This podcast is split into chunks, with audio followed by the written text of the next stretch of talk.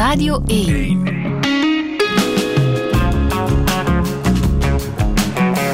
Douche. Met Friede Lesage.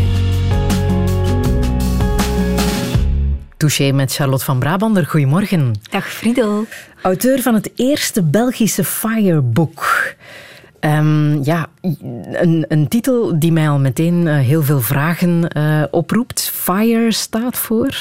Financial Independence Retire Early. En dan zeg ik er meteen de ondertitel bij. Hoe op jonge leeftijd stoppen met werken. Is het echt? Als je dit boek leest, kan je op jonge leeftijd stoppen met werken? Ik geloof wel dat we jonger gaan kunnen stoppen met werken als we slim met ons geld omgaan. Ja, zeker en op welke leeftijd is dat dan?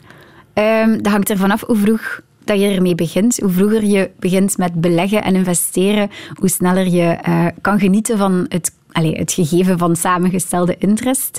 Dus uh, hoe rapper, hoe beter natuurlijk. Maar mijn, mijn missie is ook niet per se om snel op pensioen te kunnen, te moeten gaan, maar vooral te kunnen gaan. En ik denk, allee, ja, de titel is daar misschien een beetje misgekozen, want het is voor mij eerder fire optional. Van, ik kan optioneel op pensioen als ik wil.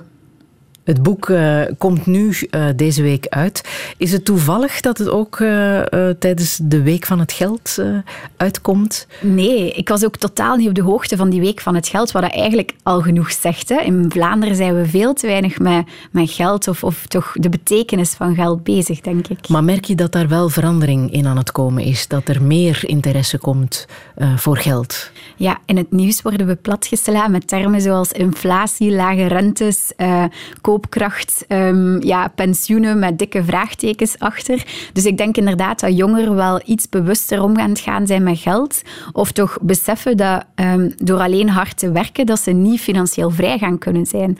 Dus uh, zeker en vast denk ik dat er hmm. wel een grote beweging aankomt. Je bent zelf uh, 32, hè? Je hebt uh, ervaring opgedaan als gamer en als professioneel pokerspeler. Um, daar gaan we straks wel iets meer over vertellen, maar dat klinkt al wel heel interessant.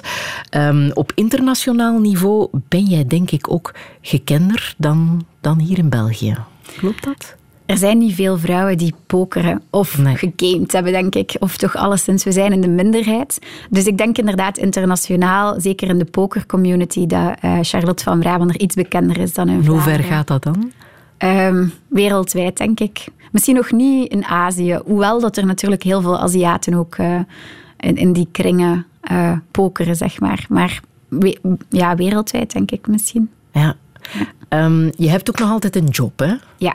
Bij SD Works? Zeker. Wat doe je daar precies? Ik ben senior HR-consultant en ik begeleid eigenlijk voornamelijk KMO's um, met de opstellen of opmaak van hun loonbeleid, motiverende loonbeleiden, um, zodat de medewerkers geëngageerd aan een job kunnen beginnen. En daarnaast heb je ook nog je eigen bedrijfje? Ja, Slim Sparen. En dat draait goed? Dat gaat goed, ja. Want wat doet Slim Sparen precies? Um, Slim Sparen is eigenlijk een heel breed platform waarbij ik mensen wil begeleiden op een FIRE journey. Um, en uiteraard, wat is de grootste brok daarin in, in, dat verhaal? Dat is natuurlijk leren beleggen. Dus um, ik heb cursussen, online cursussen ja, gepubliceerd, heel de zomer ontwikkeld, zeg maar. En uh, die kan je, kan je eigenlijk heel makkelijk aankopen op slimsparen.eu. En je kan leren beleggen samen met mij op een eenvoudige, begrijpbare manier. Um, ja. En dat is voor jou ook eenvoudig geld verdienen. Want dat is opgenomen, dat zijn filmpjes. Ja.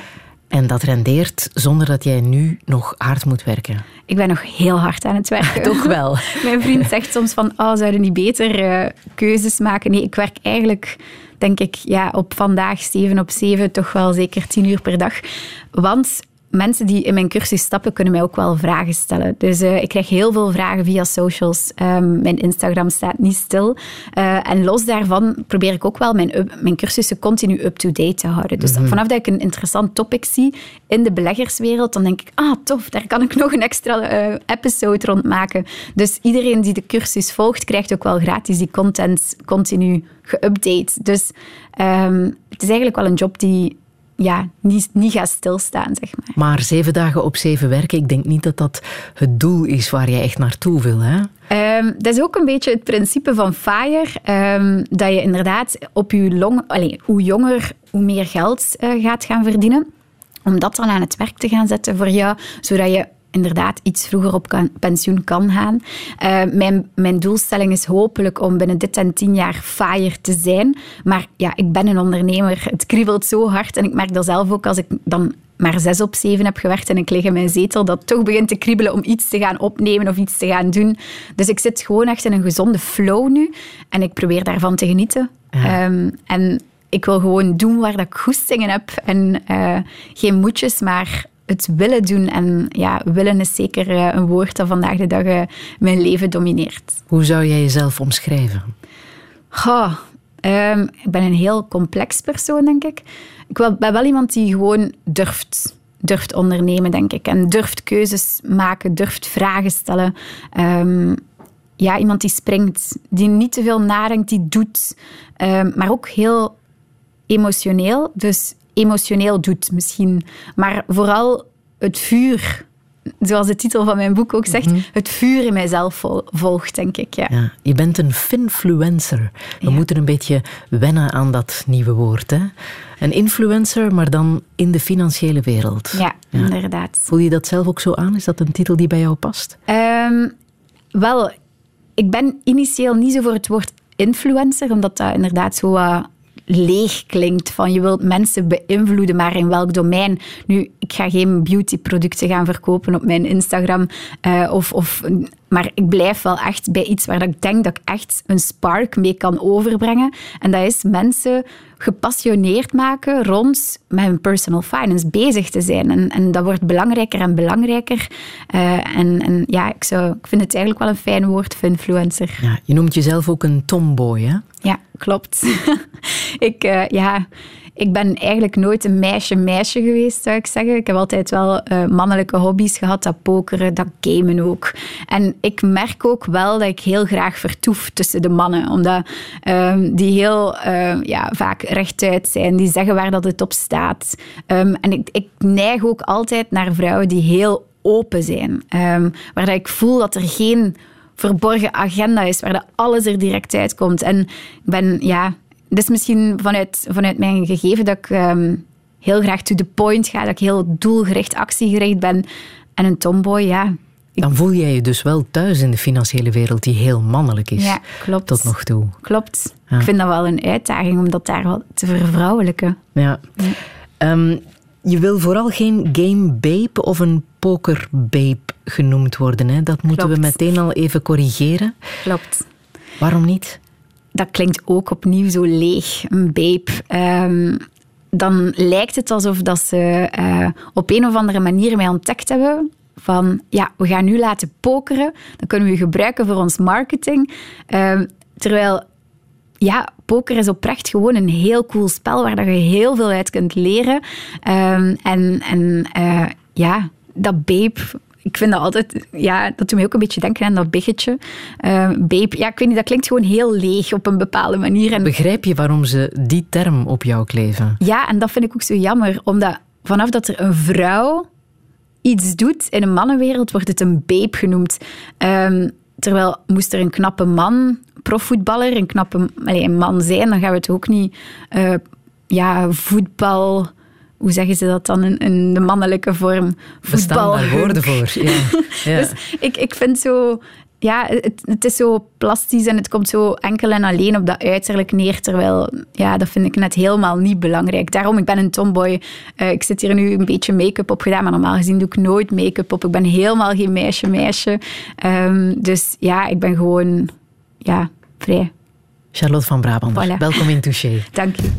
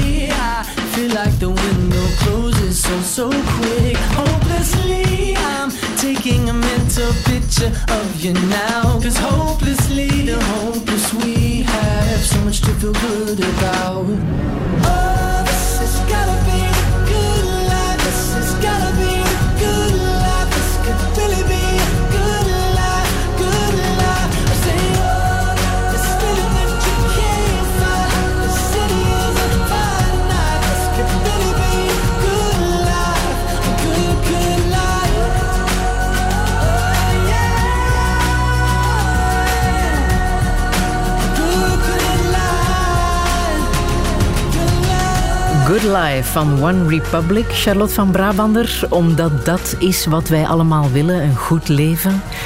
Ja, ik wou dat ik in mijn auto zat nu. dat is echt zo'n liedje waar ik altijd gewoon gelukkig van word. Die zo mij doet beseffen dat, dat het leven zo kort is en dat je er echt van moet genieten. Ja.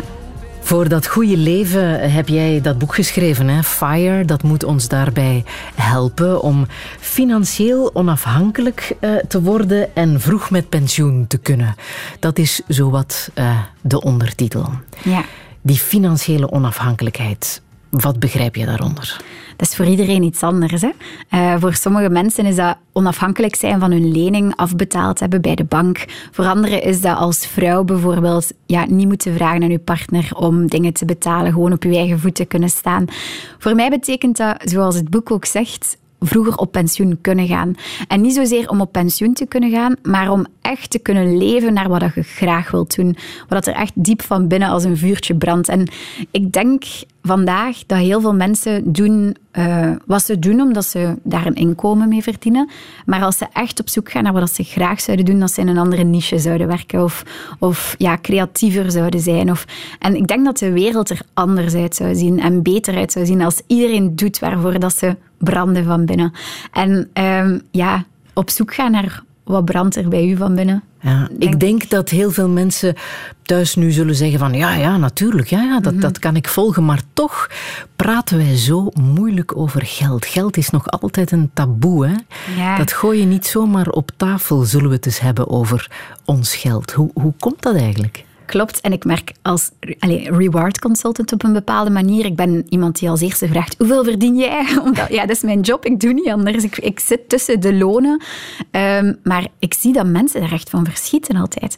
En inderdaad, ik denk dat er echt nog een. Allez, ik denk dat we daar wel aan het evolueren zijn. Want als ik ons vergelijk met bijvoorbeeld Nederlanders, die zijn veel opener over hun geld. Mm-hmm. Als je kijkt naar op Instagram hoeveel finfluencers daar al champignonnen uit de grond aan het poppen zijn, dat is gigantisch. Terwijl in België zijn we nog maar met uniekelingen.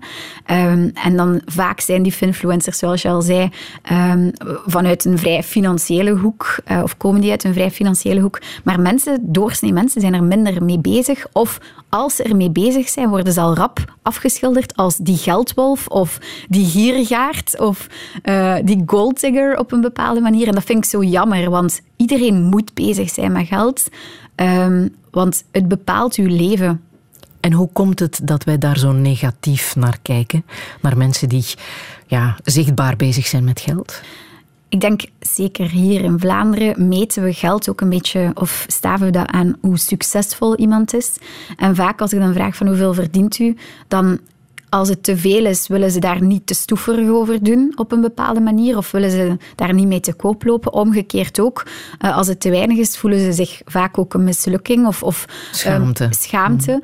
Dus ik denk um, dat we ons succes een beetje te hard afmeten met ons, wat er binnenkomt op onze loonbrief.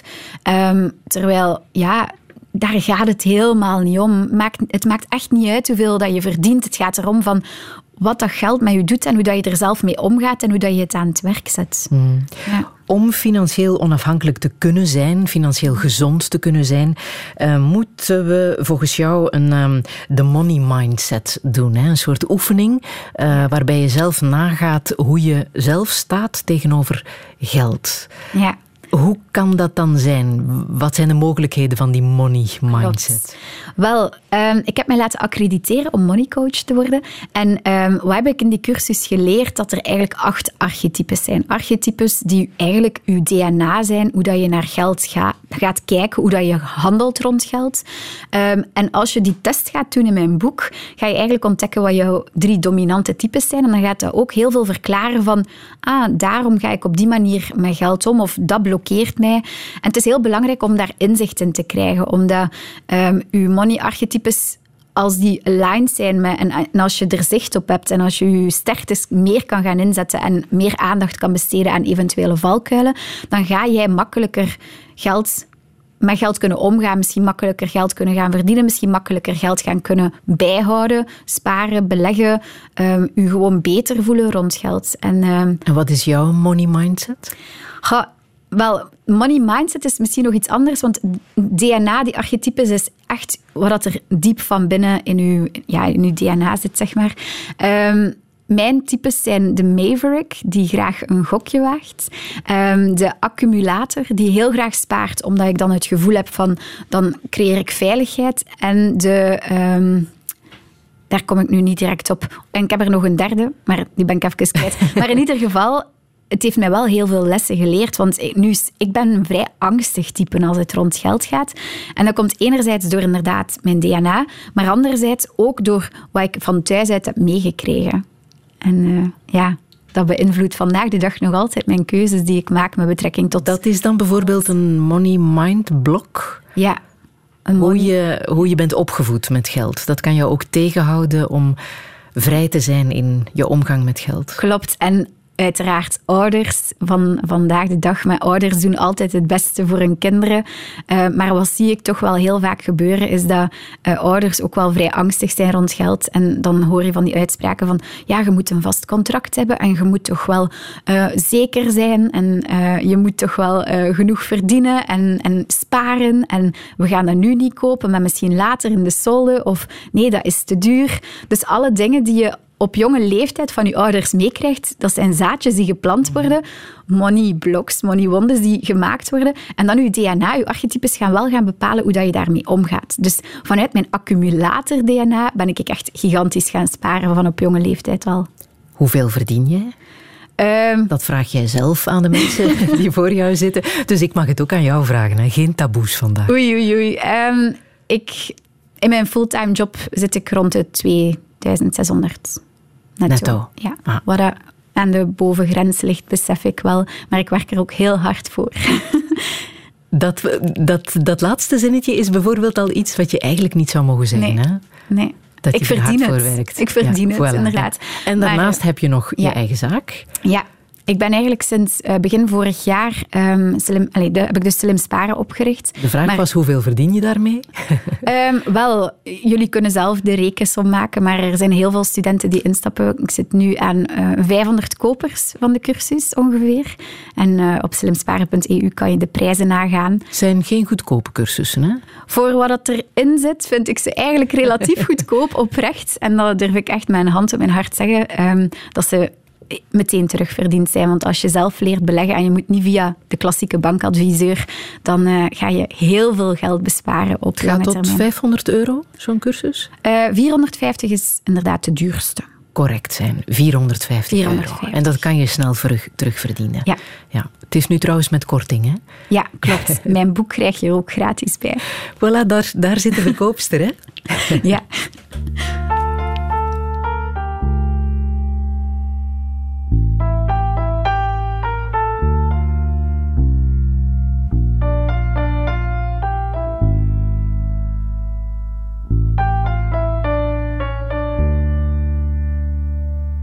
Twee meisjes op het strand. Ze lezen modebladen. Ze kijken in het rond. Ze dromen van een prins.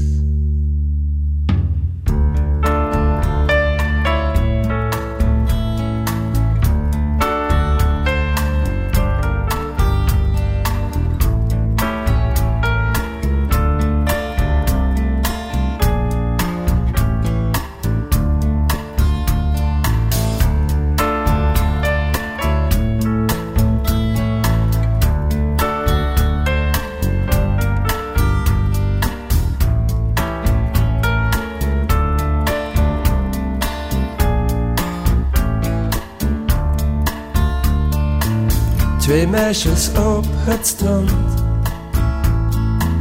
Ze lezen modebladen. Ze kijken in het rond. Ze dromen van een prins. Ze zoeken in hun tas. Ze wijzen naar de foto's. Ze schudden met hun haar. Ze praten met een vriend. Twee meisjes op een plank. Gedragen door de golven. Het branden van de zon. De wijzers houden op. De dag brengt ouderdom. De nacht brengt vreemde uren. Het deken is zo zwaar. Een bladzijde slaat om.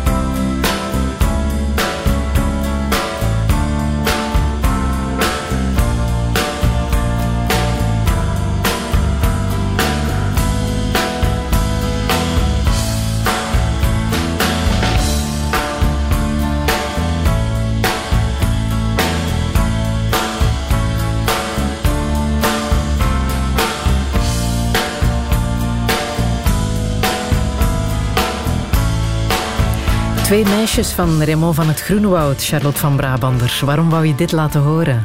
Nostalgie, eh, dat doet me denken aan... Mijn papa legde dat altijd op in de auto, onder andere en thuis ook. En mijn zusje en mij op het strand. Goede herinneringen. En die twee meisjes, droomden die effectief van een eh, prins? Altijd. Ik heel veel. Een prins Ja. op een wit paard met heel veel geld en een groot kasteel? Niet per se een, een wit paard. Misschien wel ondernemend, zou ik durven zeggen. Ehm, ik vind het wel belangrijk dat iemand kan meepraten met mij als ik thuis kom. En vooral mij challenged om meer te gaan doen dan ik dacht dat ik kon doen. Dus, Maar droomde jij als kind al van geld? Ehm, ik weet als jong meisje dat ik wel graag de spelletjes speelde waar geld in, in betrokken was. Ehm, vanaf dat ik kon tellen en, en winst kon maken, was dat voor mij eh, een heel fijne namiddag plezier. Ehm, verder was ik ook iemand die altijd wel dacht van oei, ga ik dat ooit kunnen betalen? Ik weet nog dat ik als ja, tienjarige denk ik dacht van... Mama, papa, ga ik ooit een auto kunnen betalen? Dat is 10.000 euro. En eh, ik weet nog, in mijn, in mijn dagboekje schreef ik altijd op het einde van de maand... Op het einde van de maand zou ik 2000 euro gespaard hebben. Dan eh, volgende maand moet dat 2200 euro zijn. Dus ehm, ja, ik was wel met geld bezig, ja. En wat vonden je ouders daarvan? Die vonden dat goed, want ik ging op mijn 14 jaar ging ik al pannenkoeken bakken bijvoorbeeld voor 5 euro per uur. Dat is geen goed loonbeleid. Die bakker had geen goed loonbeleid. In ieder geval voor 5 euro per uur ging ik pannenkoeken bakken. En ze vonden dat wel chic, denk ik. Ja, Eh, en waar verdienen zij hun geld mee? Ehm, mijn mama is... oh, ze zijn beide op pensioen eigenlijk. Maar mijn mama is kunstenares. ehm, en heeft altijd wel... ehm, ja, heeft, heeft layout en dergelijke gedaan. Dus ze is een heel creatief profiel. Mijn zus heeft daar ook heel veel weg van. Maar heeft wel heel veel tijd kunnen besteden aan onze opvoeding. Want mijn papa was de grootverdiener thuis. Is altijd eh, hoofdredacteur geweest bij onder andere EOS, Psychologies en nog enkele andere magazines. Ehm, maar ook met het nadeel dat mijn papa continu in zijn bureautje zat. Dus dat we ook weinig tijd eh, met hem hebben kunnen spenderen. Ehm, maar ja, dus mijn papa was eigenlijk de verdiener thuis. En mijn mama was degene die eh, op mijn zusje en mij lette. Ja, en nu jouw vader met pensioen is, Ja. heeft hij eindredactie van jouw boek gedaan Ja, om nog wat bij te verdienen. Zeker, ja, die zit nog altijd Is hij ervoor bureau. betaald geweest? Zeker. Ja. Ik heb zijn prijs onderhandeld met de waar? uitgeverij. Ja. Ja. dat vind ik wel leuk, onderhandelen. Ehm, ja? ik vind het echt leuk ehm, ja, om waarde te krijgen voor iets. Nu, los daarvan, mijn papa zit nog altijd keiveel op zijn bureau. Ehm, ja. Maar wat vond hij van jouw boek? Goh, er is veel, er is veel ge, ge- ge- hoe zeggen ze dat?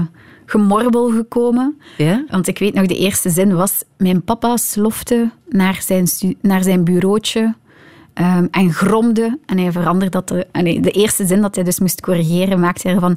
Mijn papa stapte en niet slofte, want mijn papa is een sloffer. Altijd met zijn pantoffeltjes en hij heeft er stappen van gemaakt. Terwijl, no way dat mijn papa stapt, mijn papa sloffert. En als hij dit nu hoort, gaat hij echt heel hard moeten lachen. Ehm, maar ik dacht al van, oei, oei, hij gaat hier heel het verhaal naar zijn hand zetten. Ehm, gelukkig heeft hij dat niet gedaan en heeft hij uiteraard ook een beetje kwetsbaarheid laten zien, want het gaat hier en daar toch ook wel over mijn ouders en de opvoeding die ik eh, kreeg. Ja, wat mee bepalend is, hè? wat je zo net zei over hoe je kijkt naar geld. Ehm, toen je puber was, ehm, heb je het gamen ontdekt. Hè? Mhm. hoe, hoe is dat gegaan? Goh, ehm, ik had een ex-vriendje, dus ook een, een witte paard, eh, een, een, witte prins, nee, een prins op het witte paard, excuseer. En die speelde Counter-Strike. Eh, dat was een schietspel, een strategisch schietspel. En ik weet dat, ik, was een, ik ben een vrij controlerend type, denk ik. Eh, ik heb dat nu al wat meer laten loslaten, maar ik, ik was wel, ik, weet, ik had graag de touwtjes in handen. En die ging elk weekend naar LAN-parties en ik kon dat niet verdragen. Ik was hem al elk weekend kwijt. Ehm, dus ehm, ja, ik dacht van ja, oké, dan moet ik ook gewoon beginnen gamen. En een LAN-party is trouwens een bijeenkomst van allemaal gamers die een computer meenemen en die een heel weekend gaan spelletjes spelen. Soms competitief. Ehm, en ja, die wereld heeft mij echt opgezogen, want dat was zo fijn. Ik heb daar zoveel geleerd. Ik heb daar ook in kunnen ondernemen. Ehm, ik heb een all-female team opgericht, samen met eh, vier internationale eh, andere vrouwen. We hebben de wereld rondgerezen, eh wereldkampioenschap ook mogen spelen. Maar Counter-Strike, als je dat leuk vindt, dat zijn terroristen die schieten op antiterroristen. klopt. Goed Zeer gevaarlijk. Heb jij zonen? nee, nee. Maar ik, heb toch eventjes op- opgezocht Ja. wat voor spel dat, dat Ja. was. Goh, dat is niet gevaarlijk. Dat, dat was voor mij eigenlijk puur een tactisch spel. Ehm, want ik weet nog, er ligt nog altijd thuis in mijn lade een boek, allee, een map met zeker honderden bladzijden tactieken. Van ja, als, als Loesje eh, naar de B-hal loopt, dan moest ze daar een flashbang smijten. En dan moet ik op die seconde. eh, ja, dus echt alles was zo ja, in, in, in een plan gegoten, een, een, een warplan op een bepaalde manier. En dat strategische vond ik cool, want dat, dat was eigenlijk ook met geld omgaan. Want als je een ronde won, dan kreeg je geld. Ehm, en met dat geld kon je dan duurdere wapens of betere wapens gaan kopen, waardoor dat je dus een betere, sterkere machtspositie had ten opzichte van je, je vijand. Ehm, dus ja, dat was eigenlijk wel heel erg cool. En kon je er ook echt geld mee verdienen? Ja, helaas. Toen in der tijd. ehm, ja, ik studeerde. ehm, en ehm, ja, ik heb nooit daar een fulltime job van kunnen maken. Het was eigenlijk meer recre- recreatief dat wij konden spelen. Maar echt de topteams. Top female teams, die hadden, eh, ja, die hadden gewoon een maandloon betaald door de grote sponsors. Hadden een office waar dat ze de hele dag in trainden. Dus tegen dergelijke teams moesten ik en mijn team het opnemen. Wat dus er natuurlijk voor zorgde dat we eh, niet vaak wonnen. Maar als je won, dan kreeg je, denk ik, met een team te verdelen van, van vijf plus één manager een 5000 euro. Dus dat was niet het grote geld.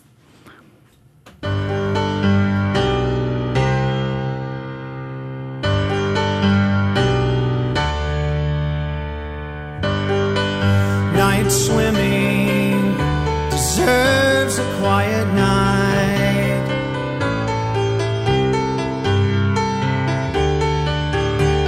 The photograph on the dashboard, taken years ago,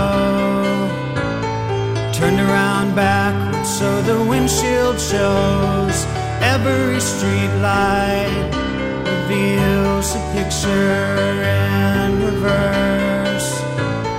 Still, it's so much clearer. I forgot my shirt at the water's edge. The moon is low tonight.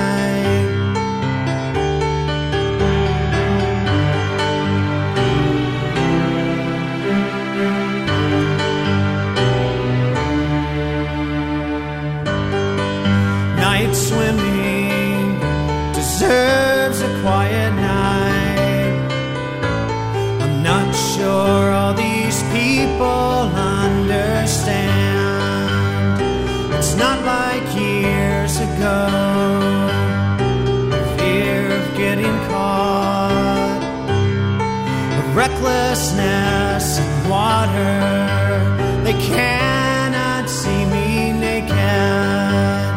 These things they go away, replaced by everyday night swimming, remembering that night.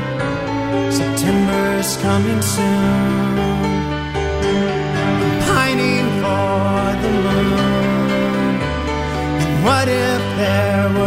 Two side by side in orbit around the fairest sun? That bright tide ever drum could not describe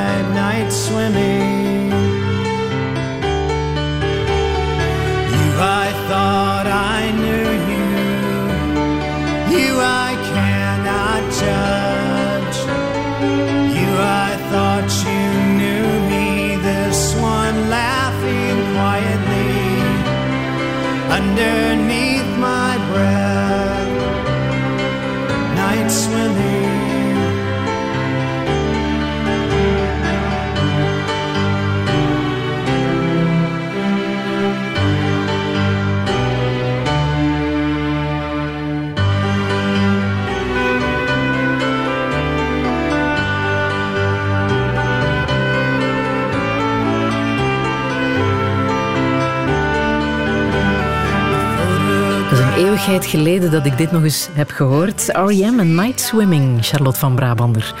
Nochtans, van begin jaren negentig, toen was jij nauwelijks een eh, peuter, denk ik. Klopt. Dat is inderdaad wel een vrije klassieker. Maar gewoon de emotie die daarbij komt. En, en katapulteert mij gewoon ook helemaal terug naar eh, de, de avondjes in Spanje in zwembad. Met de vleermuizen die boven ons hoofd vlogen. Verlicht zwembad, donker, voor de rest sterren aan de hemel. Ja. Een beetje het paradijselijke leven waar je als volwassen vrouw ook graag terug naartoe wil. Ja, ik, ik, ik leef eigenlijk denk ik met mijn hoofd in een zon. Ik wil heel graag ooit in het buitenland vertoeven. Ehm, echt slow living, Ah, hoop ik echt Dan verbaast mij eh, jouw studiekeuze wel een beetje, want je hebt criminologie gestudeerd. Ja, ik ben eh, iemand die vooral graag mijn tanden in iets zet en op onderzoek gaat. En ook niet makkelijk kan loslaten. Dus eh, ik denk dat dat de reden was waarom ik criminologie heb gestudeerd. Ook omdat menselijke verhalen boeien mij zo. En dan zeker extreme menselijke verhalen, ja, die kunnen mij helemaal mee, meezuigen, zeg maar. Was er een bepaald verhaal dat jou dan in die richting heeft gestuurd? Onder andere Maddie McCann bijvoorbeeld. Of eh, ja, er zijn heel veel eh ja, crimiseries die ik eh, bekeken heb. Maar hoe realistischer, hoe beter. En bij voorkeur docu-series. Maar eh, ja, ik vind dat heel boeiend. Ehm, wat triggert er mensen? Waarom gaan ze tot moorden over? Ehm, Want ja. ik vermoed dat het ook de Dutroux-periode was, hè, waarin jij bent beginnen studeren. Goh, dat was eigenlijk wel iets na, denk ik. Dutroux heb ik niet, alleszins niet zo bewust meegemaakt. Ik heb wel... Ehm, te jong voor. Ja, inderdaad. Ik heb wel mijn stage toen bij de onderzoeksrechter gedaan eh, in Gent. En ja, dat was eigenlijk wel echt waanzinnig. Zeker als je weet, als je dan zo op een... Ik mocht dan de dossiers meehelpen ja, bekijken en mee nieuwe onderzoekspistes gaan bedenken. En ehm, ik weet nog dat ik dacht van wauw, er is zoveel meer criminaliteit dan dat er in de media komt. En ehm, ja, ja. Ehm, dat gamen waar we het daar net over hadden, heb je tijdens jouw studententijd ingeruild voor poker. Hè? Hoe, hoe ben je daartoe gekomen? Ja, ik, ehm, ik heb in de tijd wel wat media gehaald, denk ik, met mijn gameverhaal. Ik, had, ik heb zelf ooit een uh, telefax-reportage gekregen, de Vlaamse Lara Croft.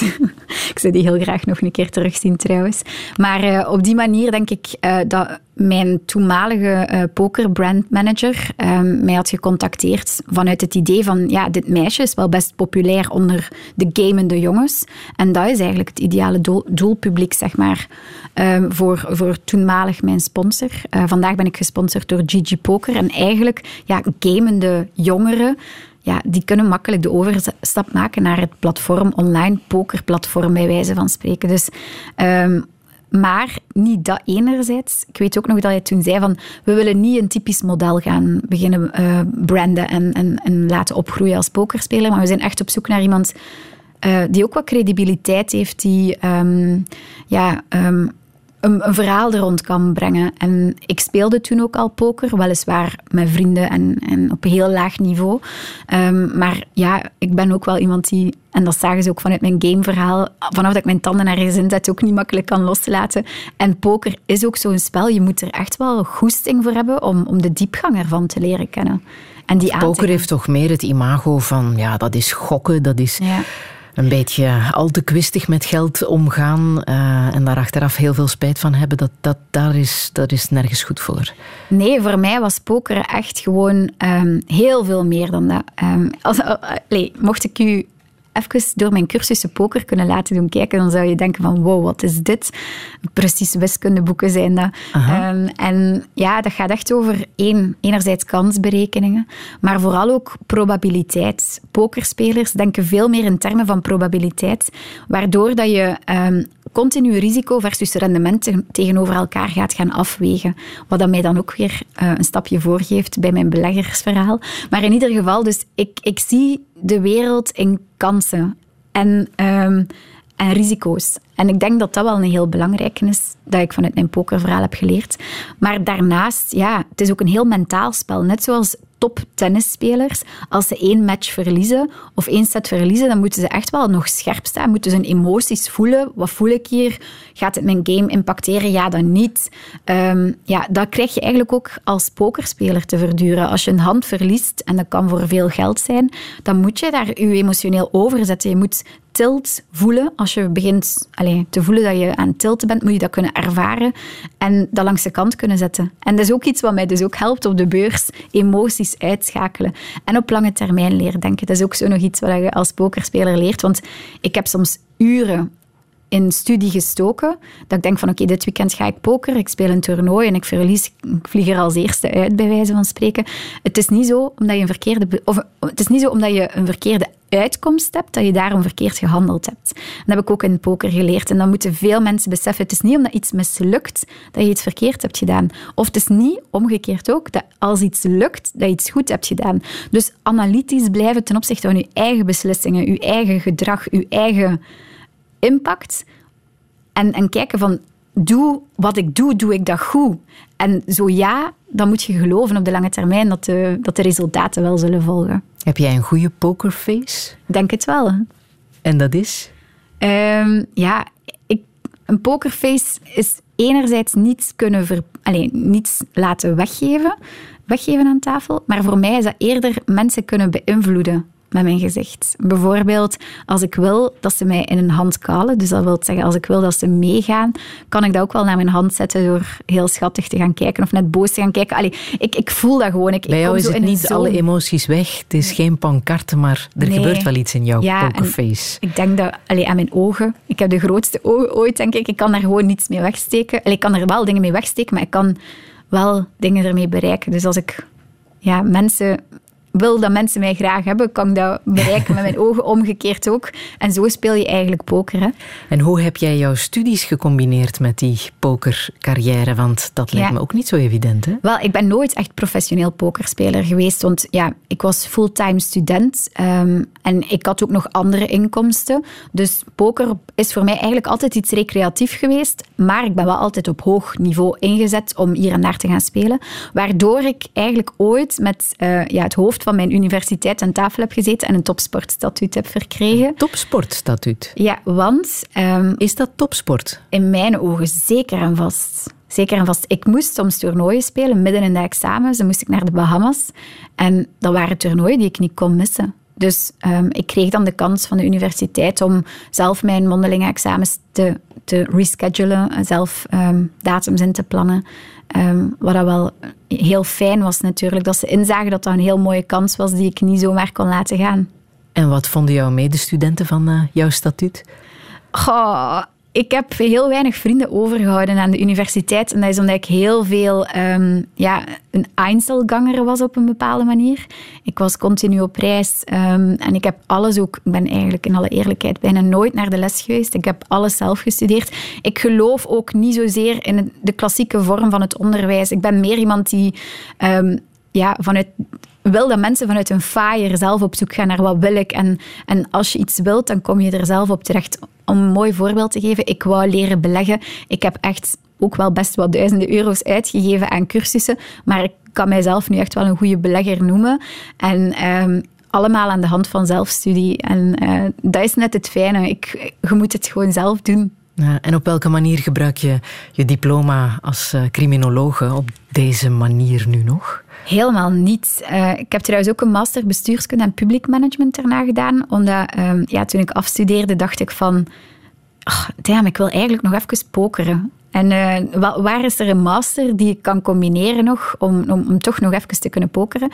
En ik weet nog, toen ik dan mijn twee masters had en afgestudeerd was, toen kreeg ik van mijn toenmalige sponsor een deal voor effectief professioneel pokerspeler te worden. En dat was echt een heel mooi contract dat ik uh, toen zou krijgen.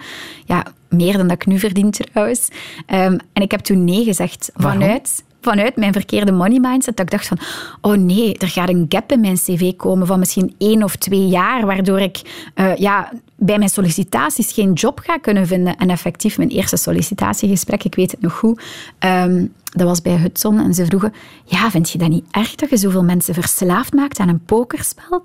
Um, dus ja, ik... ik er was en er is nog altijd wel een misconceptie rond de vorm van poker, hoe ik ze gespeeld heb. Um, maar eigenlijk had ik me daar niets van moeten aantrekken. Eigenlijk had ik gewoon moeten springen en, en niet moeten denken aan um, zekerheden, want er zijn zoveel valse zekerheden. Een, vast contract. Ik heb dan een jaar bij Hudson gewerkt. Um, ik, vond dat daar ook helemaal niet zo fijn op dat moment, omdat dat een heel zware 9-to-5 mentaliteit was, waar ik eigenlijk helemaal niet aan gewoon was als, als student en zeker niet als pokerspeler die dan dat statuut had. Um, ik ben mijzelf daar wel tegengekomen. Ik heb daar wel heel veel spijt van gehad eigenlijk. Dat je had niet... het toch willen doen? Ja, toch wel. Ja? Ja, Waar had je dan nu gestaan? Had ik misschien een, een mooie EPT, European Poker Tour titel en een paar miljoenen euro's. Kon je met naam. pensioen? Ja, of was ik nog meer aan het ondernemen? Ah. Ja.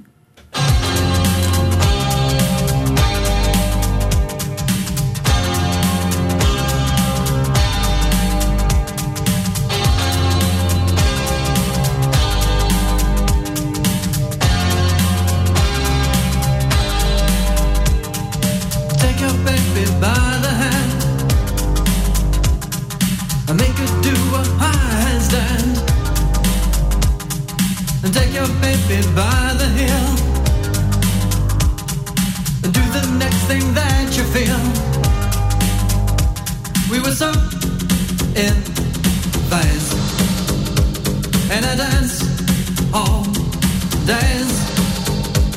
We were cool on craze when I, you, and everyone we knew could believe, do sharing what was true. I said,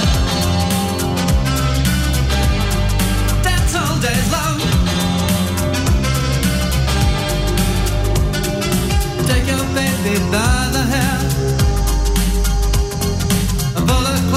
there, there, there. Take your baby by the ears. Play upon her darkest fears. We were so in phase. And I dance all days. We were cool and everyone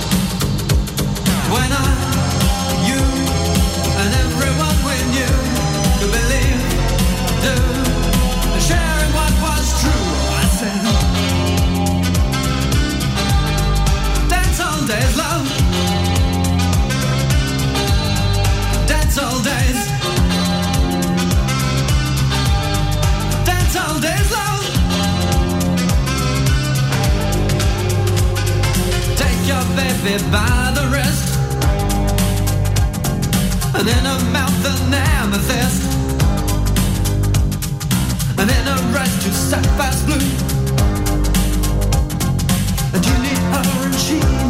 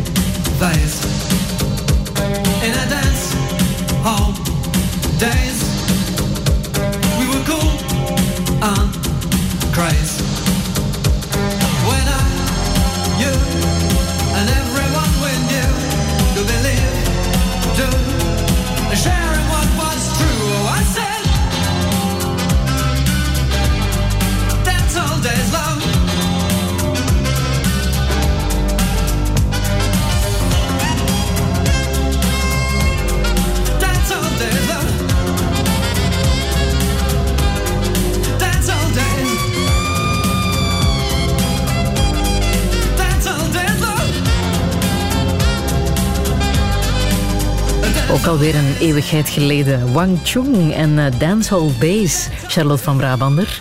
Jaren Ja. 80 muziek, hè? Zalig. Ja? Komt van mijn eh, GTA eh, Miami Vice playlist op Spotify. Daar word Ja. ik helemaal gelukkig van.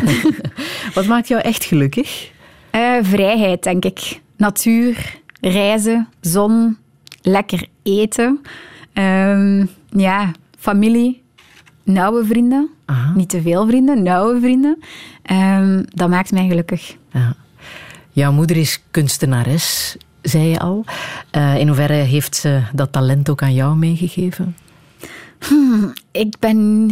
Ik denk dat ik creatief ben, maar als ik iets maak, zeggen mijn mama en mijn zus altijd ah, Charlotte, zo lelijk. Dus eh, nee, ik zou, ik zou eerlijk durven zeggen dat ik misschien niet zo creatief ben. En Nee. wat maakt zij?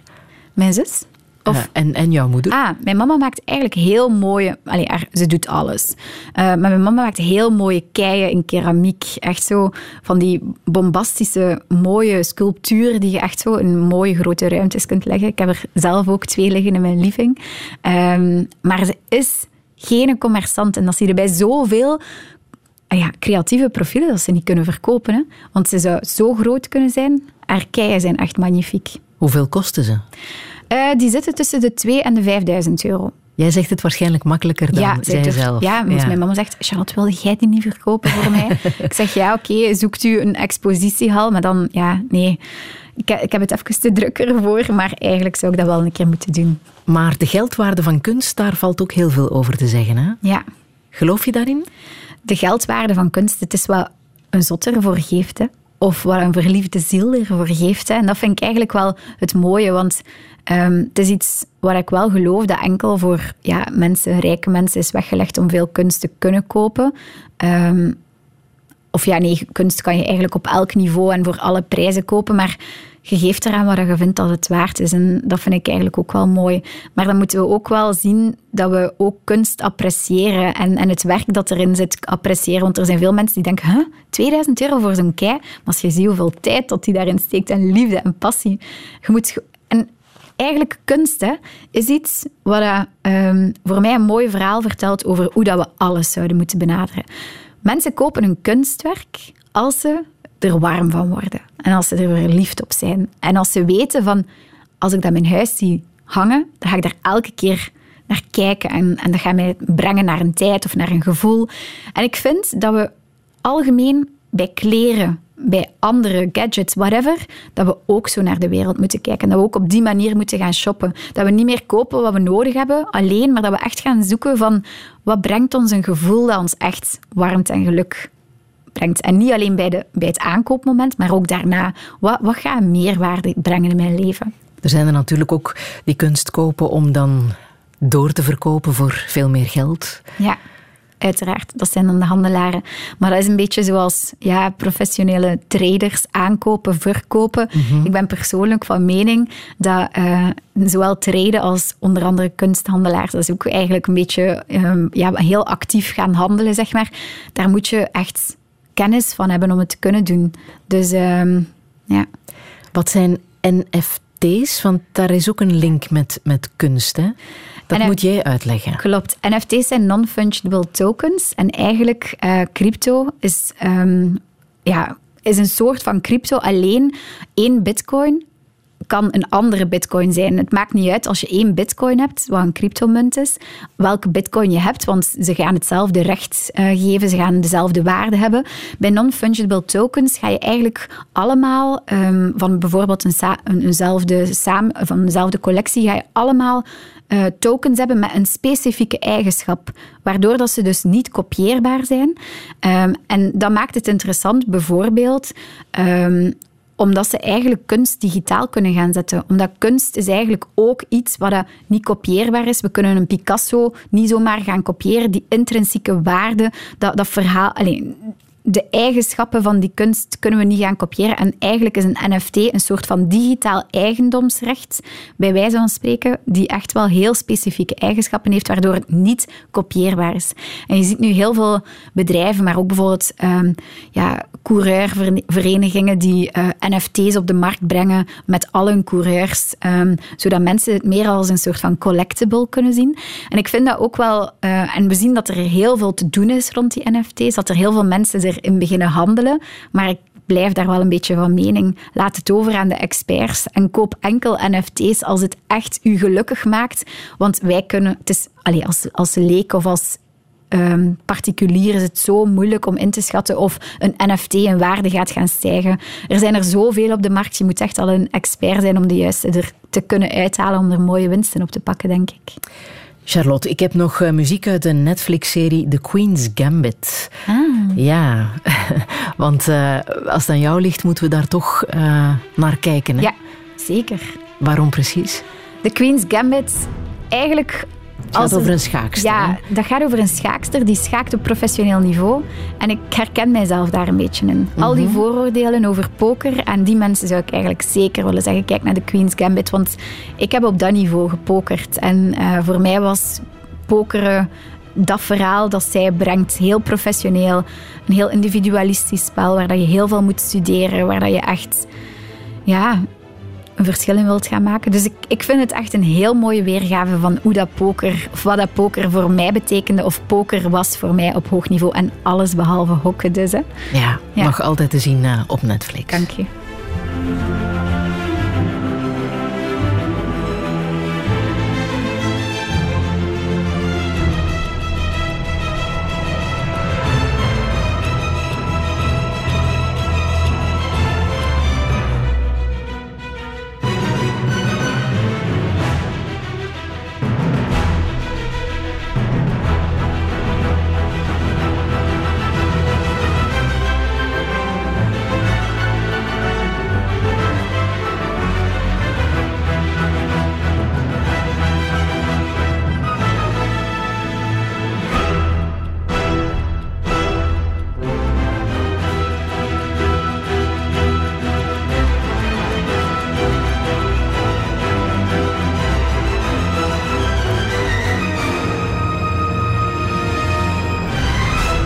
Muziek uit The Queen's Gambit uit, uh, op Netflix. Zometeen praat ik verder met Charlotte van Brabander. Radio 1.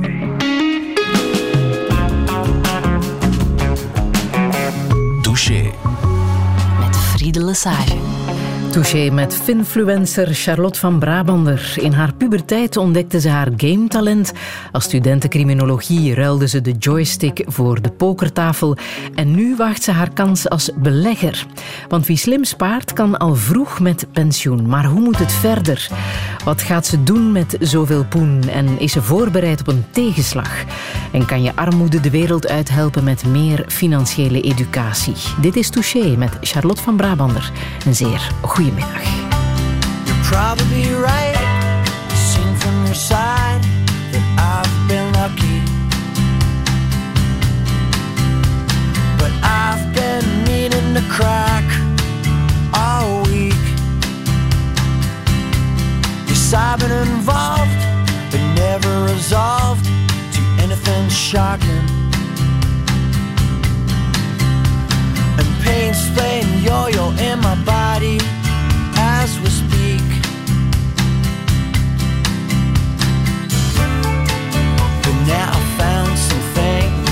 up for.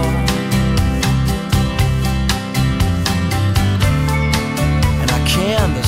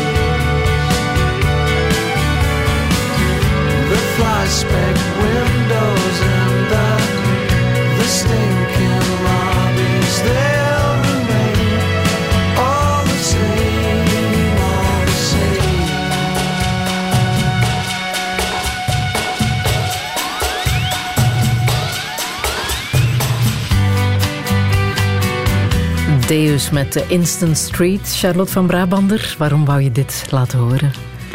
Ook zo opnieuw een klassieker die ik gewoon heel erg goed vind. De muziek, die stemmen, eh, het verhaal erachter, de lyrics zijn echt gewoon heel mooi. Eh, ook wel een beetje een liefdesverdrietliedje op een bepaalde manier. Is Ja. dat voor jou het verhaal erachter? Ja, misschien wel. Eh, ja, ik ben wel een emotionele in mijn muziekkeuzes. Ik, ik, ben, ik heb zelf een beetje, ben zelf een beetje hoogsensitief en een, een lied moet een melodie hebben waar ik mijn Allee, dat niet op mijn hart begint te slaan. Als ik in de auto zit met mijn vriend, zeg ik altijd van nee, die muziek moet echt stiller als ik hem niet zelf gekozen heb. Maar dan deze muziek mag loeihard staan, omdat mijn hart gaat er niet van versnellen. Dus echt gewoon een heel leuk tempo ook. Ja. Wat gebeurt er bij jou als jij eh, naar het nieuws kijkt?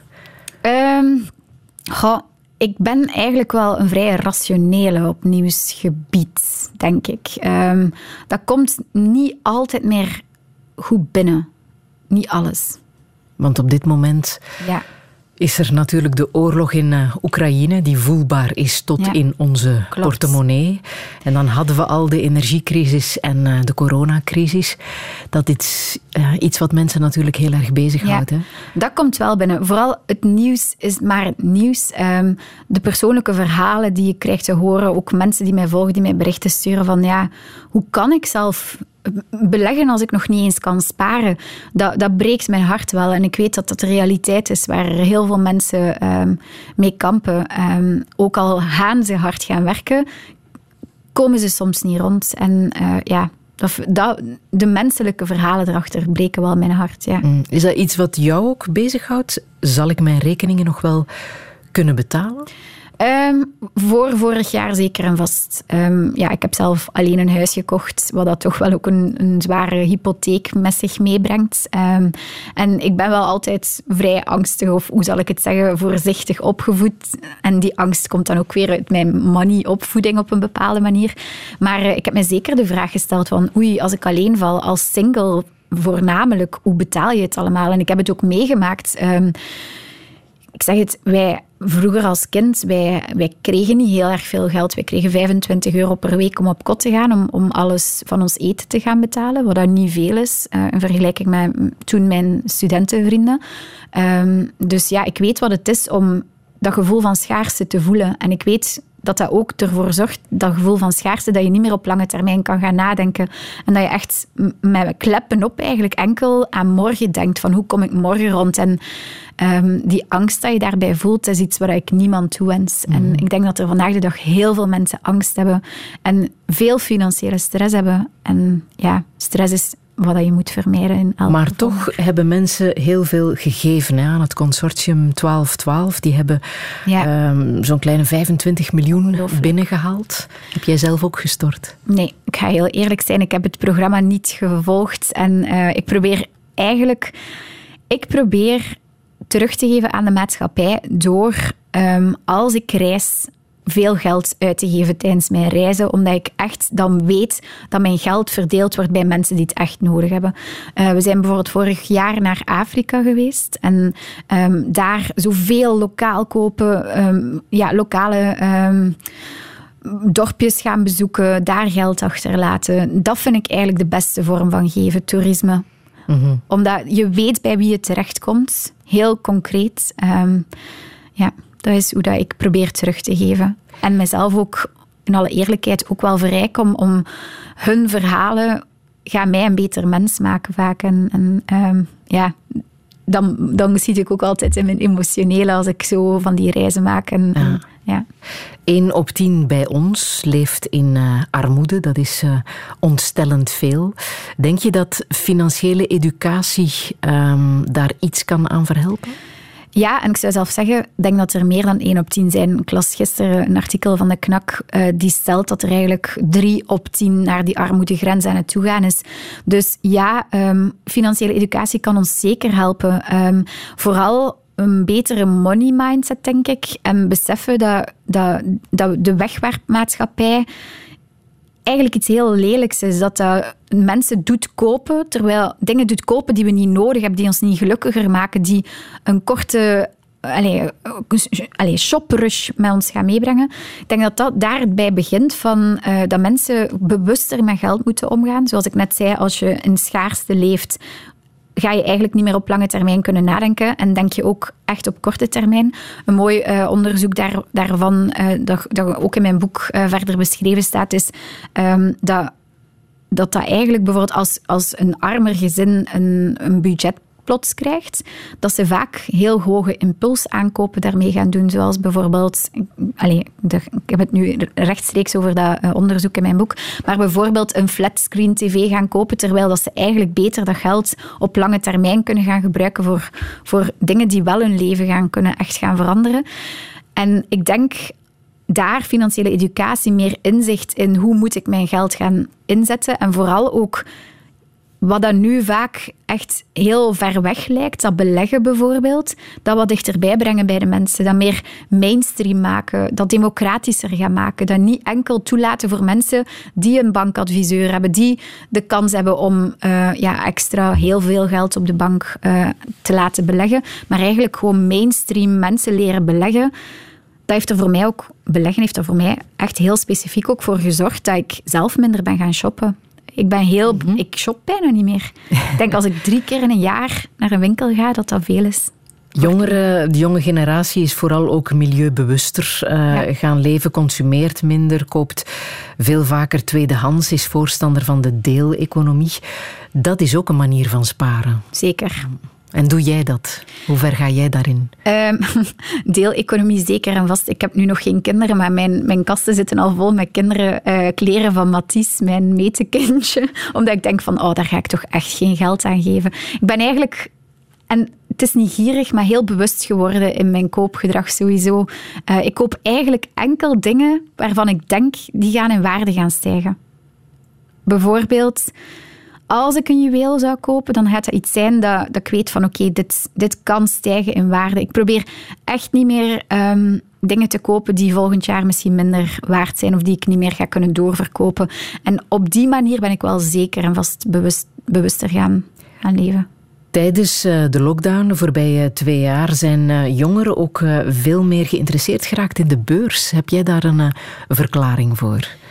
Um, ja, de beurs is gecrashed. Door corona. Dus ehm, ik denk dat het nieuws ook ging van, ja, het is nu de moment. Als je, op, als je een goed koopje wilt doen, moet je het nu doen, wat dat veel mensen getriggerd heeft.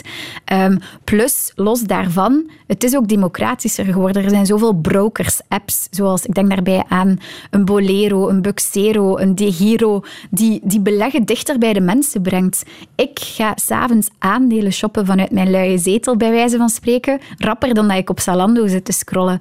Dus aandelen kopen is gewoon iets geworden dat dichter bij de jongeren is gekomen. En we zijn sowieso al iets meer tech-savvy. Het is makkelijk om apps te installeren, denk ik. Um, en, en het beleggen is gewoon meer voor Jan en alle man mhm. geworden. En, en, het nieuws wordt ook vaker vertaald naar de financiële gevolgen, want dat hoor je ook vaker in het nieuws vermeld van wat is de impact op uh, de financiële situatie, op de economie. Op de beurs ook, inderdaad. Mhm. Ja, um, eigenlijk sinds ik ben gaan beleggen, is er voor mij een wereld open gegaan. Ik, ehm, ik kijk veel minder reality-tv uh, als ontspanning, maar ik kijk echt gewoon naar het nieuws. Uh, ik kijk bijvoorbeeld naar de FED-meeting van uh, Jerome Powell. Voor mij is dat pure sensatie. de manier hoe dat hij zijn woorden uitspreekt en de impact daarvan dan op de beurs. Ja, voor mij is het echt gewoon beleggen heeft mijn leven meer dynamiek, meer een, een, extra laag, een extra dimensie gegeven. Ik voel mij verbonden veel meer met de wereld dan dat ik voordien was. Uh, ik, bijvoorbeeld als ik in de file sta en ik zie een camionetje van een of ander bedrijf waarin ik belegd heb, dan denk ik, ja, die zijn ook voor mij aan het werk. Dus het geeft gewoon zo'n fijn gevoel um, dat ik veel meer verbonden ben en niet enkel in mijn eigen loondienstverhaal zit, zeg maar. En uh, ja, het is gewoon heel fijn. En ik denk dat dat ook veel jongeren aanspreekt. Je zegt ook, uh, bedrijven zouden hun werknemers moeten bijstaan in hun uh, omgaan met, met het loon dat ze krijgen elke maand. Ja, ik, zoals ik al zei, ik maak loonbeleiden voor KMO's. En ik ben van mening, um, Iedere werkgever wil natuurlijk marktconform verlonen. Dat is een principe. Anders kunnen we vandaag in een, allez, in een war for talent geen, geen human capital, geen goede mensen meer aantrekken en zeker niet behouden. Dus iedereen wil die marktconformiteit voorzien. Maar door de hoge inflatie, door de stijgende facturen, merken we dat mensen, inderdaad, werknemers, minder met hun netto kunnen gaan doen. Of dat er ja, op, op hun beurt minder overblijft. Dus ik vind het wel een gedeelde verantwoordelijkheid. Um, en het is zeker geen verantwoordelijkheid die volledig bij de werknemer ligt, maar ook bij de werkgever om te gaan kijken van hoe kunnen we ervoor zorgen dat mensen die 40 uur, 38 tot 40 uur per week of meer zelf voor een loon gaan werken, dat loon ook echt kunnen goed inzetten. Dat ze de kennis ermee hebben. Want en ik vind dat eigenlijk inderdaad een gedeelde verantwoordelijkheid die ook een beetje bij de werkgever ligt. En hoe kunnen ze dat dan doen? Door educatie ook te voorzien. Door mensen te leren beleggen, door, door ze uit te leggen wat dat, de, wat dat samengestelde interest is, bijvoorbeeld. Um, door ze uit te leggen hoe een beurs werkt, uh, hoe ze kunnen investeren, hoe ze op langere termijn kunnen nadenken, hoe ze uh, minimalistischer kunnen gaan leven, uh, hoe ze duurzamer en meer naar hun waarde kunnen gaan leven. En ik denk dat dat veel financiële stress gaat wegnemen en mensen die minder stress vertonen, dat is alleen maar positief op de werkvloer.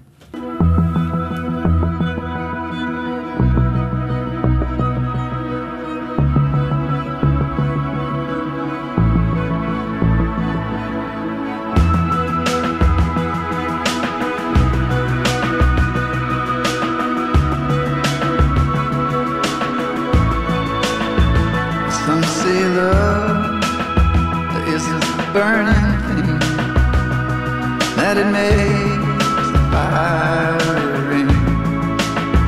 Oh, but I know love as a fading thing, just as fickle as a feather in a stream.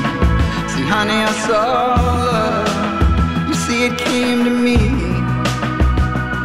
It put its face up to my face so I disfigure me into something I am not recognizing.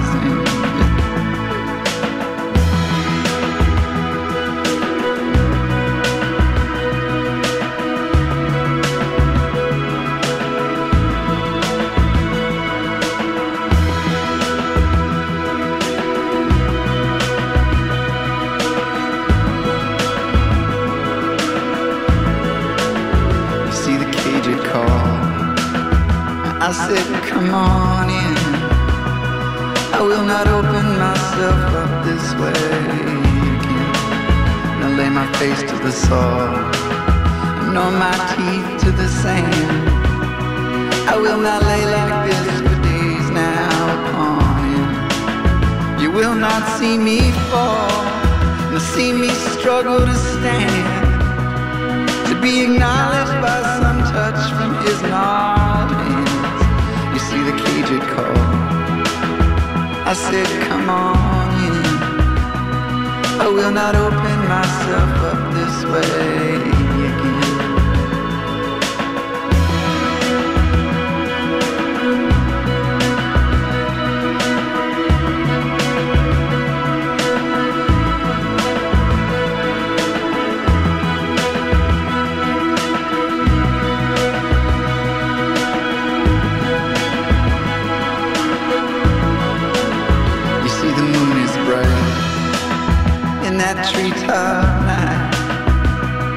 I see the shadows that we cast in the cold, clean light. My feet are gold, and my heart is wide. And we race out on the desert plains all night. See, honey, I am not some broken thing. I do not lay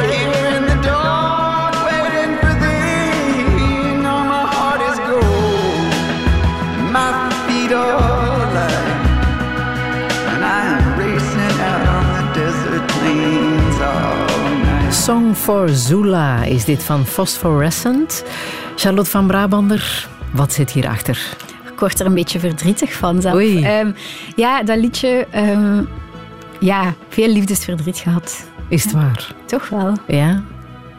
Maar het is goed gekomen. sowieso. Je Meer leert ooit. altijd uit liefdesverdriet, ja, hè? ongetwijfeld. Wat heb jij eruit geleerd? Ehm, loslaten. Liefde is los te laten, sowieso.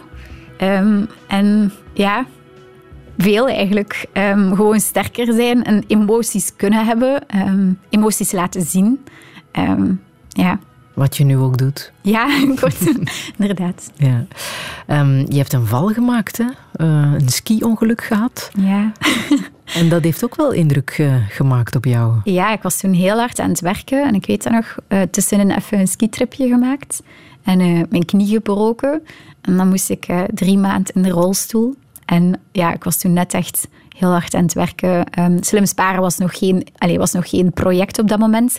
Maar ik had het heel erg druk voor SD Works. En dat was wel zo'n moment van wow. Even naar nul, niet kunnen bewegen, heel de dag plat liggen in de zetel. Ik had zelf geen energie om naar een serie te kijken of een boek te lezen. En ehm, ja, dat heeft mij wel laten zien ook dat je het leven niet altijd kunt plannen. En ehm, liefdesverdriet heeft mij dat trouwens ook geleen- geleerd. Dat leven niet planbaar is. Je moet gewoon genieten van elk moment. Ehm, en ja, ik heb er veel ook uit geleerd. Ik ben denk ik wel een, een schakeltje teruggegaan en iets bewuster gaan leven. Iets meer En op nu welke manier dan? gewoon meer in het nu. Ik was, ehm, ja, ik was zo bijna dwangmatig bezig met vooruitgaan en werken, werken, werken. Ehm, terwijl ik nu probeer echt meer te zeggen van oké, ik doe enkel wat mij energie geeft. Ik wil ook enkel nog dingen doen die met mensen die mij energie geven. Ehm, ik ben veel bewuster in het leven komen te staan. En ehm, daarom dat ik ook daarnet zei van het is belangrijk om enkele vrienden te hebben, mensen die je heel graag ziet. En het leven is ook te kort om te veel te doen, omdat je het moet doen of omdat het zo hoort. En ik durf veel meer nee zeggen nu ehm, tegen projecten, tegen dingen die mij gewoon niet nauw aan het hart liggen. En ik vind dat ook oké om, om, ja, om selectief daarin te zijn. Beleggen. Dat, Ja. eh, dat is iets wat eh, nu jouw hele focus krijgt. Hè? Hoe ben je daarmee begonnen? Eh, zelf eerst bij de bank langs gegaan, het klassieke parcours, zeg maar. Ehm, daar beginnen beleggen. Ehm, en dan al rap beseft, na vele duizenden euro's zelf in studie te steken van wow, dit is gewoon veel te cool, waarom, waarom geef ik het uit handen? Ik ga het beter zelf kunnen.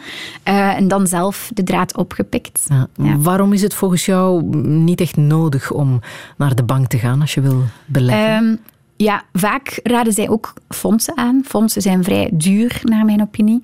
Um, in vergelijking met uh, automated trackers, ETF's, uh, die eigenlijk automatisch een mandje van aandelen gaan volgen, is vaak een actief beheerd fonds op lange termijn minder winstgevend. Los daarvan heb je ook hoge kosten die eraan verbonden zijn. Vaak bij een commercieel fonds heb je instapkosten, uitstapkosten en dan nog een keer 2% beheerskosten. En wat de mensen vergeten, 2% lijkt niet veel, maar het is wel 2% jaarlijks op je opgebouwd kapitaal.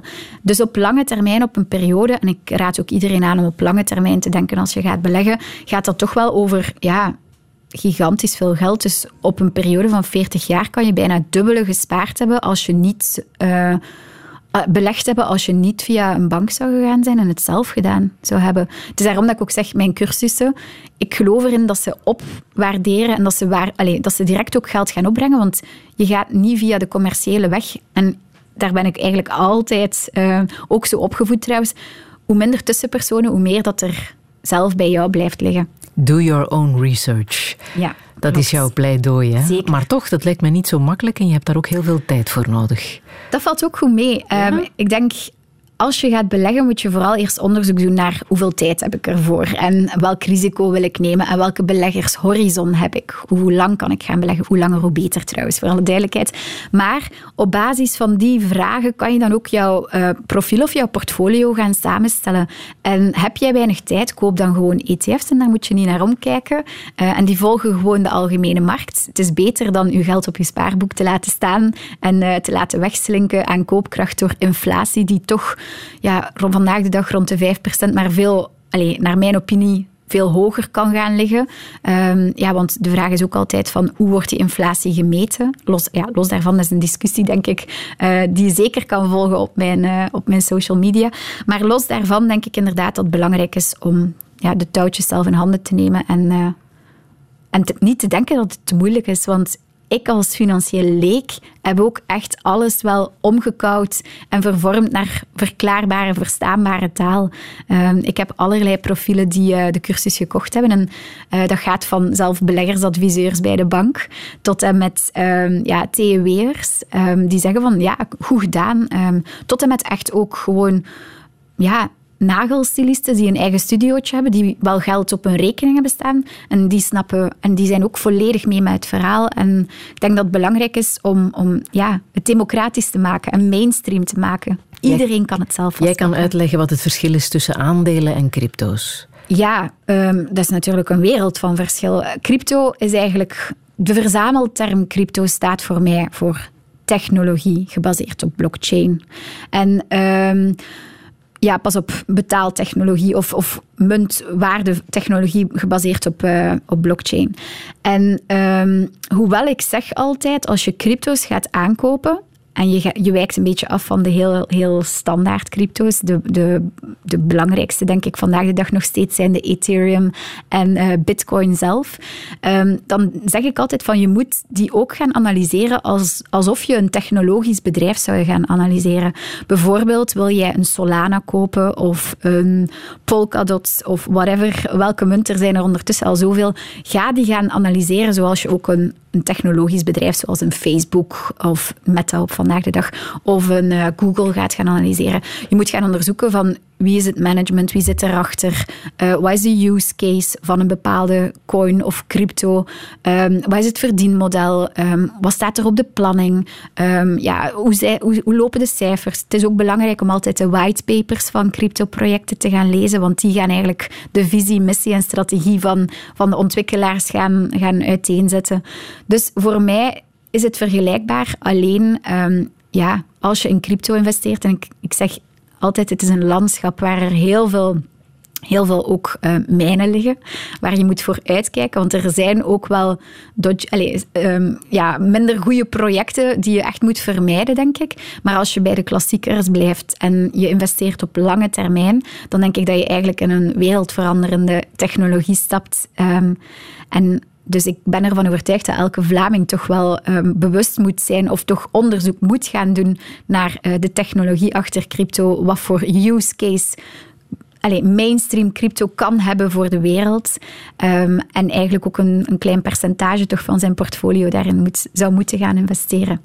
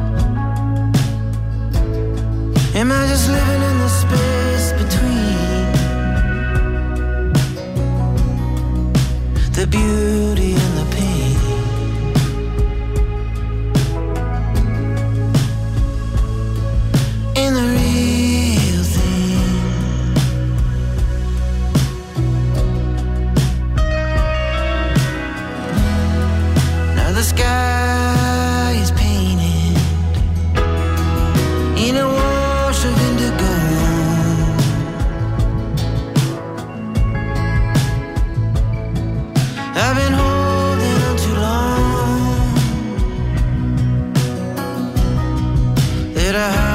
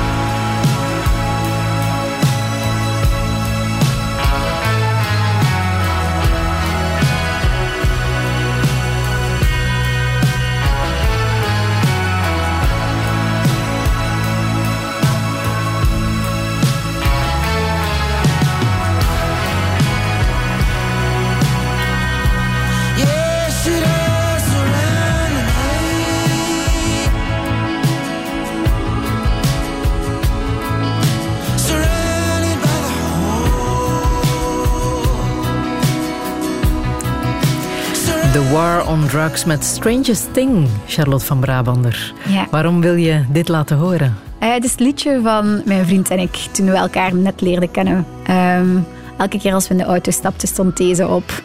Dus eh, ook positieve nostalgie. En hoe komt het dat het klikt tussen jullie, denk je? Goh, we zijn alle twee heel, heel eh, ondernemend, denk ik. Heel sterke persoonlijkheden. Als vrienden met ons afspreken, denken ze altijd... Oh, dat, dat kleppert hier altijd. Want wij, wij zijn vrij hard tegen elkaar. Ehm, we durven onze mond open doen tegen elkaar, ook als er mensen bij zitten. Maar we halen wel het beste in elkaar naar boven, denk ik. Ehm, hij is chaos, ik ben orde. En zonder chaos is er geen innovatie. Zonder orde is er geen ruimte om die innovatie tot plannen te brengen en uitwerking te brengen. Dus ik denk dat we daar echt heel veel, eh, heel goed op elkaar matchen. En geld is een gemeenschappelijke interesse? Klopt. Mijn vriend is ook eh, vol bezig met eh, de ontwikkeling van een software in het crypto-landschap. Ehm, dus ja, we zijn continu bij ons thuis gaat het alleen maar over Web3, ehm, investeren, eh, bitcoin, noem maar op. Hij was ook een pokeraar. Ja, ook een professioneel pokerspeler geweest. Weliswaar wel een professioneel pokerspeler.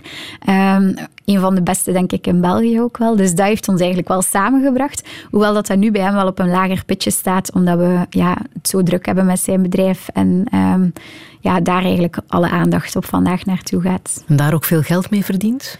Eh, met pokeren wel. Ja, ik denk wel dat hij toch een van, zoals ik zei, een van de beste pokerspelers in België is. Ja. Waar willen, willen jullie naartoe? Want jullie zijn jonge mensen aan het begin van een eh, bloeiend leven. Ik denk, ik wil gewoon impactvol zijn. En wat is impact voor mij? Voor mij is impact mensen dingen doen inzien. Ja. Maar in je dat- eigen leven?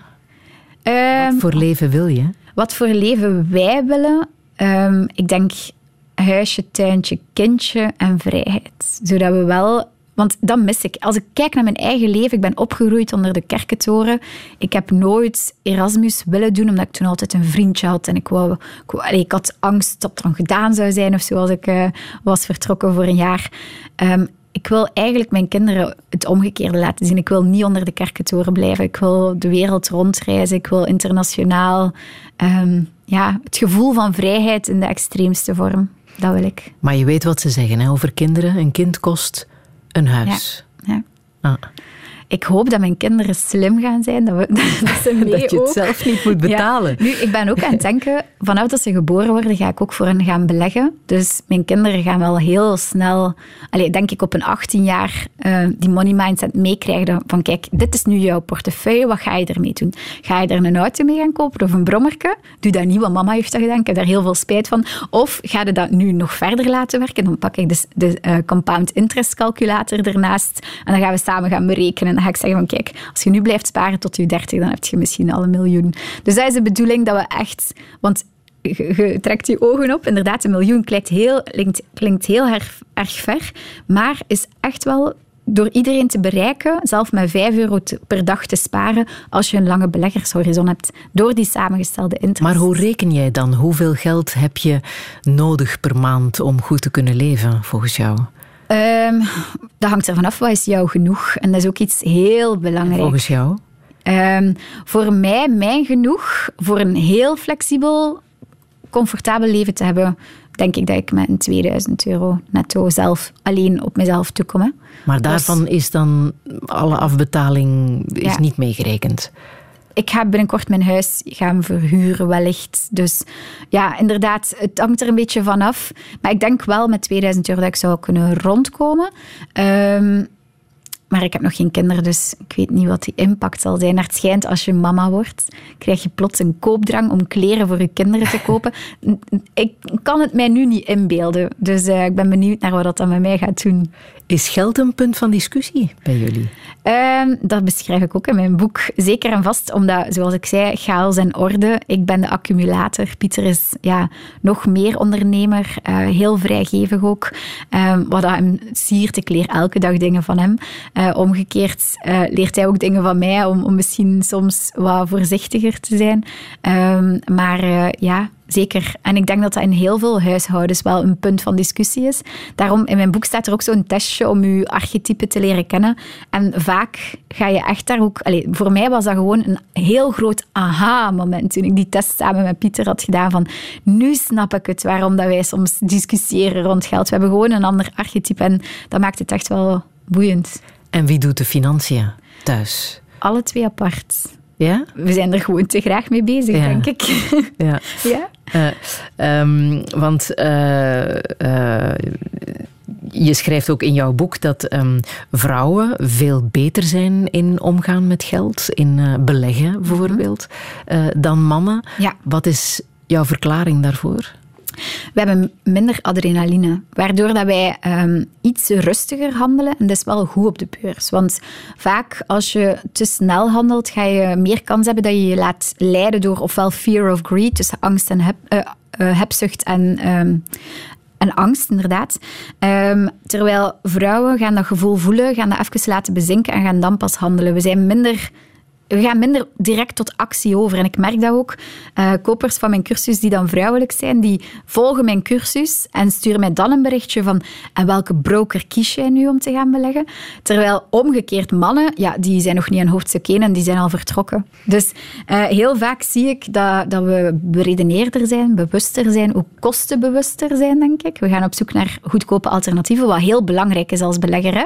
Want daarom dat ik ook zeg van doe het zelf, leer het zelf. Want als je 2% per jaar kan s- b- allee, sparen aan, aan kosten, dan heb je wel 2% meer rendement. En eh, ja, op lange termijn die 2% op 2% op 2% zijn de samengestelde interest, dat maakt een wereld van verschil. Jij bent geen econoom, hè? Nee. Je bent criminologe. Ja. daar dek je je ook een beetje mee in, dat je geen financieel advies geeft. Zeker, en dat wil ik ook niet doen. Ehm, ik krijg heel vaak de vraag van, Charlotte, wil je je portefeuille delen? Ik zeg altijd van, nee, want ik heb zelf ooit betaald voor een platform van iemand die ik volgde, die zijn portefeuille deelde. Alles gekopieerd, maar dat is niet de methodiek hoe je gaat gaan beleggen. Je moet dingen kopen die in uw eh, nabije omgeving bekend zijn, bedrijven die, u, die je snapt. En vaak zie ik, eh, en dat is daarom, dat is ook een van de bestaansredenen van slim sparen, ik zie dat mensen te veel kopiëren. Omdat ze denken van, ik ken er niets van, ik zal die wel gaan vertrouwen. Ik kijk wat Warren Buffett doet Ja. en ik ga gewoon hetzelfde doen. Ja, het kopiëren inderdaad van beursgoeroes wordt vaak gedaan. Nadeel daarbij is, je weet wanneer dat ze kopen, maar altijd met vertraging ten eerste, maar je weet niet waarom dat ze kopen. En die why is zo belangrijk. Die do your own research. Waarom koop je iets? Want als de beurs dan crasht, stel je voor, het kwartaalrapport van Berkshire en uh, Hathaway is nog niet uitgebracht. Dus je weet niet wat Warren Buffett dan effectief heeft verkocht bijvoorbeeld. En de beurs crasht en je zit daar en je weet niet of je moet gaan verkopen of kopen. En dat zorgt voor angst, stress. En ik zeg altijd, eigenlijk als je belegt mag je geen angst of stress hebben, ook niet met crypto's. Um, je moet gewoon weten wat je koopt, waarom je het koopt en dan ga je geen stress ervaren. Heb jij geen stress? Niet meer. In het begin even wel, uh, omdat ik de verkeerde beleggersstrategie had gekozen, maar al rap besef dat dat niets voor mij was. Maar sindsdien ik uh, gewoon de buy-and-hold strategie gebruik. Dus ik koop gewoon en ik hou op lange termijn. Dus ik koop wat echt, naar mijn opinie, goed is en, en rendabel is op lange termijn en ook ondergewaardeerd staat. Dus een koopje is. En ik hou daarbij op lange termijn. Uh, sinds ik dat doe, voel ik mij eigenlijk helemaal stressloos op financieel vlak, toch wat betreft mijn beleggingen. En leef jij gezond? Oh, nee, dat is echt een punt. We hebben net een home trainer gekocht en uh, die moest deze week toekomen. Maar moest die renderen? Ja, ik, wil, ik moet echt uh, dringend uh, aan mijn gezondheid werken. Want ik eet niet zo gezond in alle eerlijkheid en ik sport ook veel te weinig. Dus ik ga vanaf nu dagelijks de home trainer op. Maar klopt het dat wat jij al die jaren hebt gedaan ook echt um, invloed heeft gehad op de ontwikkeling van jouw hartspier? Ja, staat dat ook dat in mijn is boek? zo. Oei, ik ben al vergeten. Inderdaad, ik ben ooit... Ga, ja, ik ging vroeger af en toe wel lopen met het idee, ik wil vermageren. Maar dat, mag, dat is voor mij zeker niet meer een mindset die je leeft. Maar ik was toen naar een sportarts geweest en die zei van, je hebt een onderontwikkelde hartspier, waardoor effectief als ik op een, op een home trainer zou stappen, mijn hart makkelijk naar de 200 gaat. En uh, waaraan dat, dat ligt, geen idee. Maar mijn spier is gewoon onderontwikkeld, waardoor het Waardoor, en ik zou die moeten trainen, maar ik weet nog dat, is, dat die sportarts toen zei, dat gaat wel jaren duren voordat jij op een normale allez, capaciteit zit qua hartspier. Toen dacht ik, oké, okay, nee, dan toch maar niet. Te maar veel hij, gegamed? Te veel ja, gegamed? Dat veel stilgezeten, veel Ja. te veel stilgezeten. Mhm, mhm. Maar daar gaan we verandering in brengen. Ja.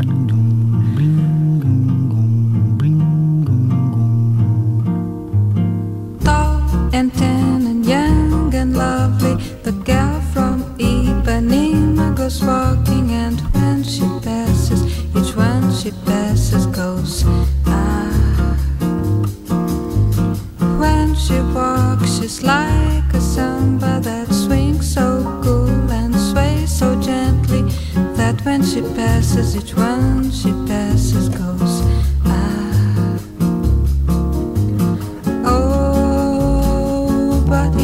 He watched her so sadly. How can he tell her he loves her? Yes, he would give his heart gladly. But each day when she walks to the sea, she looks straight ahead, not at him. Thank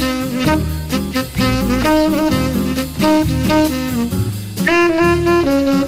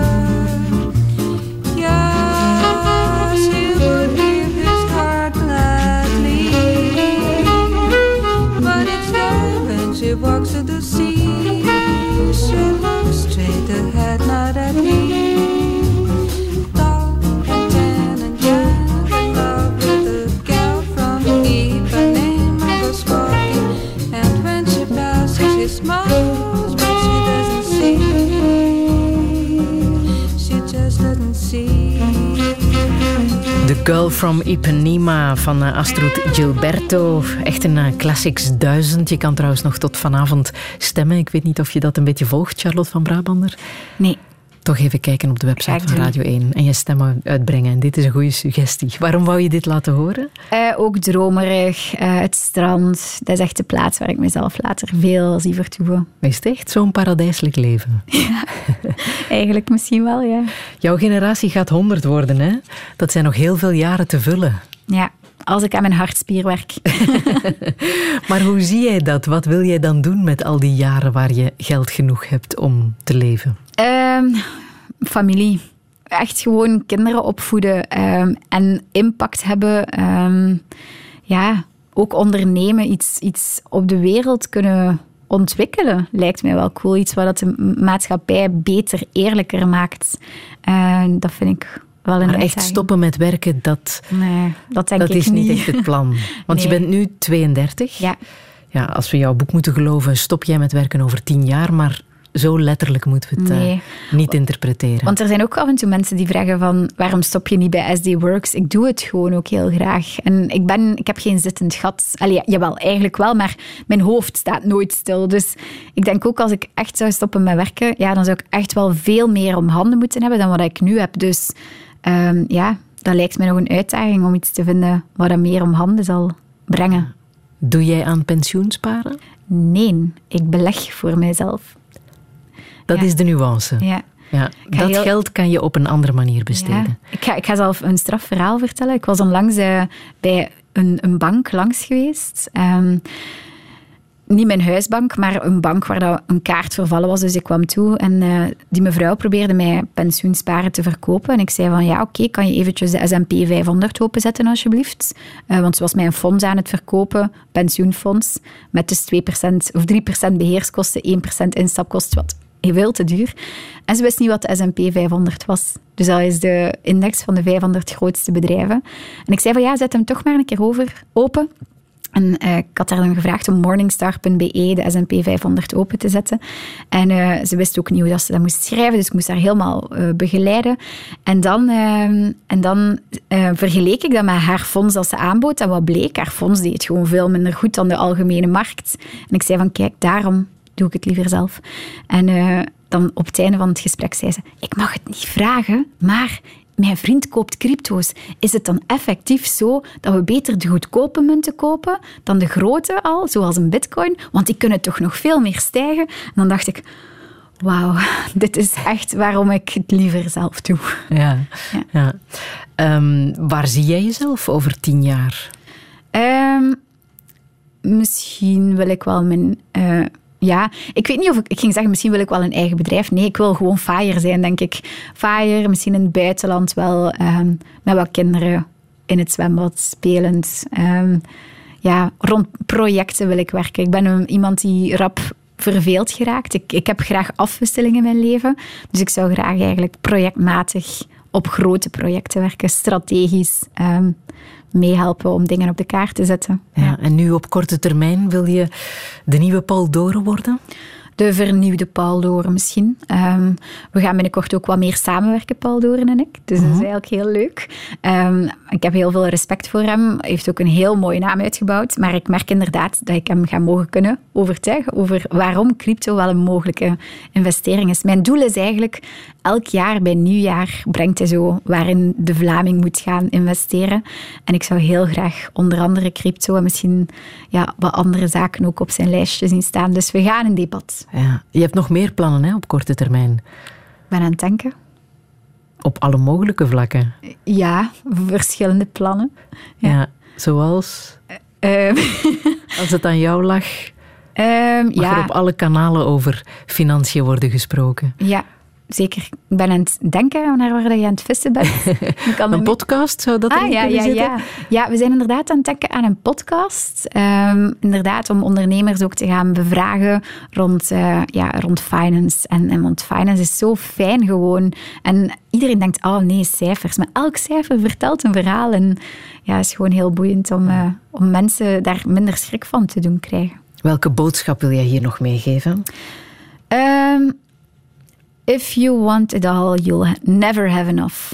Zoek wat je genoeg is. Ehm, want het is zo belangrijk. We willen veel te veel meer, maar soms is minder ook gezond. En misschien dat beleggen echt wel voor iedereen is. Dus uh, ja, slim sparen. Ik heb nog één nummer, Il Volo van Zucchero. Ja. Welke band heb je daarmee? Ga ook, uh, ik, zat, ik heb heel veel in Spanje gezeten vroeger. En uh, ja, de, de, taal alleen in combinatie met ja, de sfeer. Ook opnieuw dromerige, paradijselijke ja, ik ben nu even aan het twijfelen. Dus Italiaans. Nee, het Spaans. Italiaans, denk ik. Italiaans, ja, ik dacht het al. Uh, maar het dromerige, um, ja, het dromerige, opnieuw.